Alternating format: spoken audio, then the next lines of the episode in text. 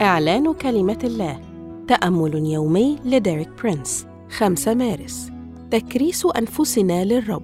هذا الأسبوع يشرح لنا ديريك برينس أن أعضاء وأجزاء جسد المؤمن هي آلات بر خاضعة للرب من أجل خدمته ولمجده. واليوم يوضح لنا أهمية أن نصلب الطبيعة العتيقة الفاسدة.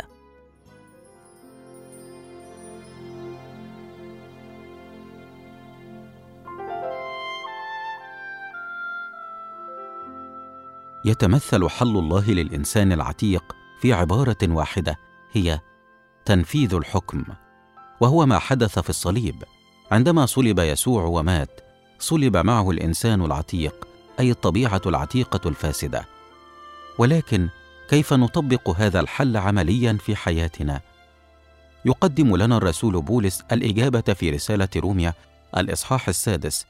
العدد من 12 إلى 14 فيقول: إذا لا تملكن الخطية في جسدكم المائت لكي تطيعوها في شهواته، ولا تقدموا أعضاءكم آلات إثم للخطية، بل قدموا ذواتكم لله كأحياء من الأموات، وأعضاءكم آلات بر لله.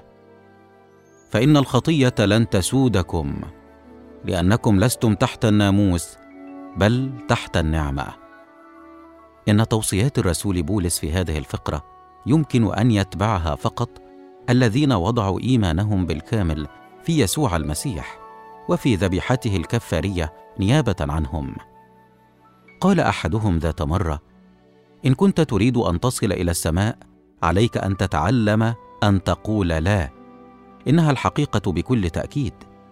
يحثنا الرسول بولس أن نتخذ قرارا حاسما وموقفا صارما ضد الخطية حيث يستطيع الشيطان أن يميز الفرق بين ما نقوله بدون إيمان وبين ما نعنيه حقا ونقوله بإيمان حقيقي.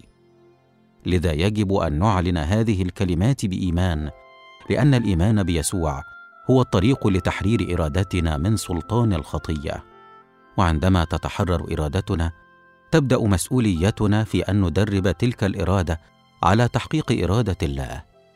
ولن يقوم الله بهذا الأمر بدلا منا.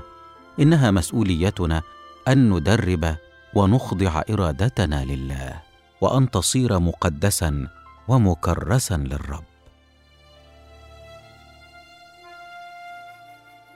أشكرك يا رب يسوع من أجل انتصارك على الصليب. أقف الآن وأعلن أن الشيطان ليس له سلطان علي. أعلن أن أعضائي وأجزاء جسدي هي آلات بر خاضعة للرب من أجل خدمته ولمجده. آمين.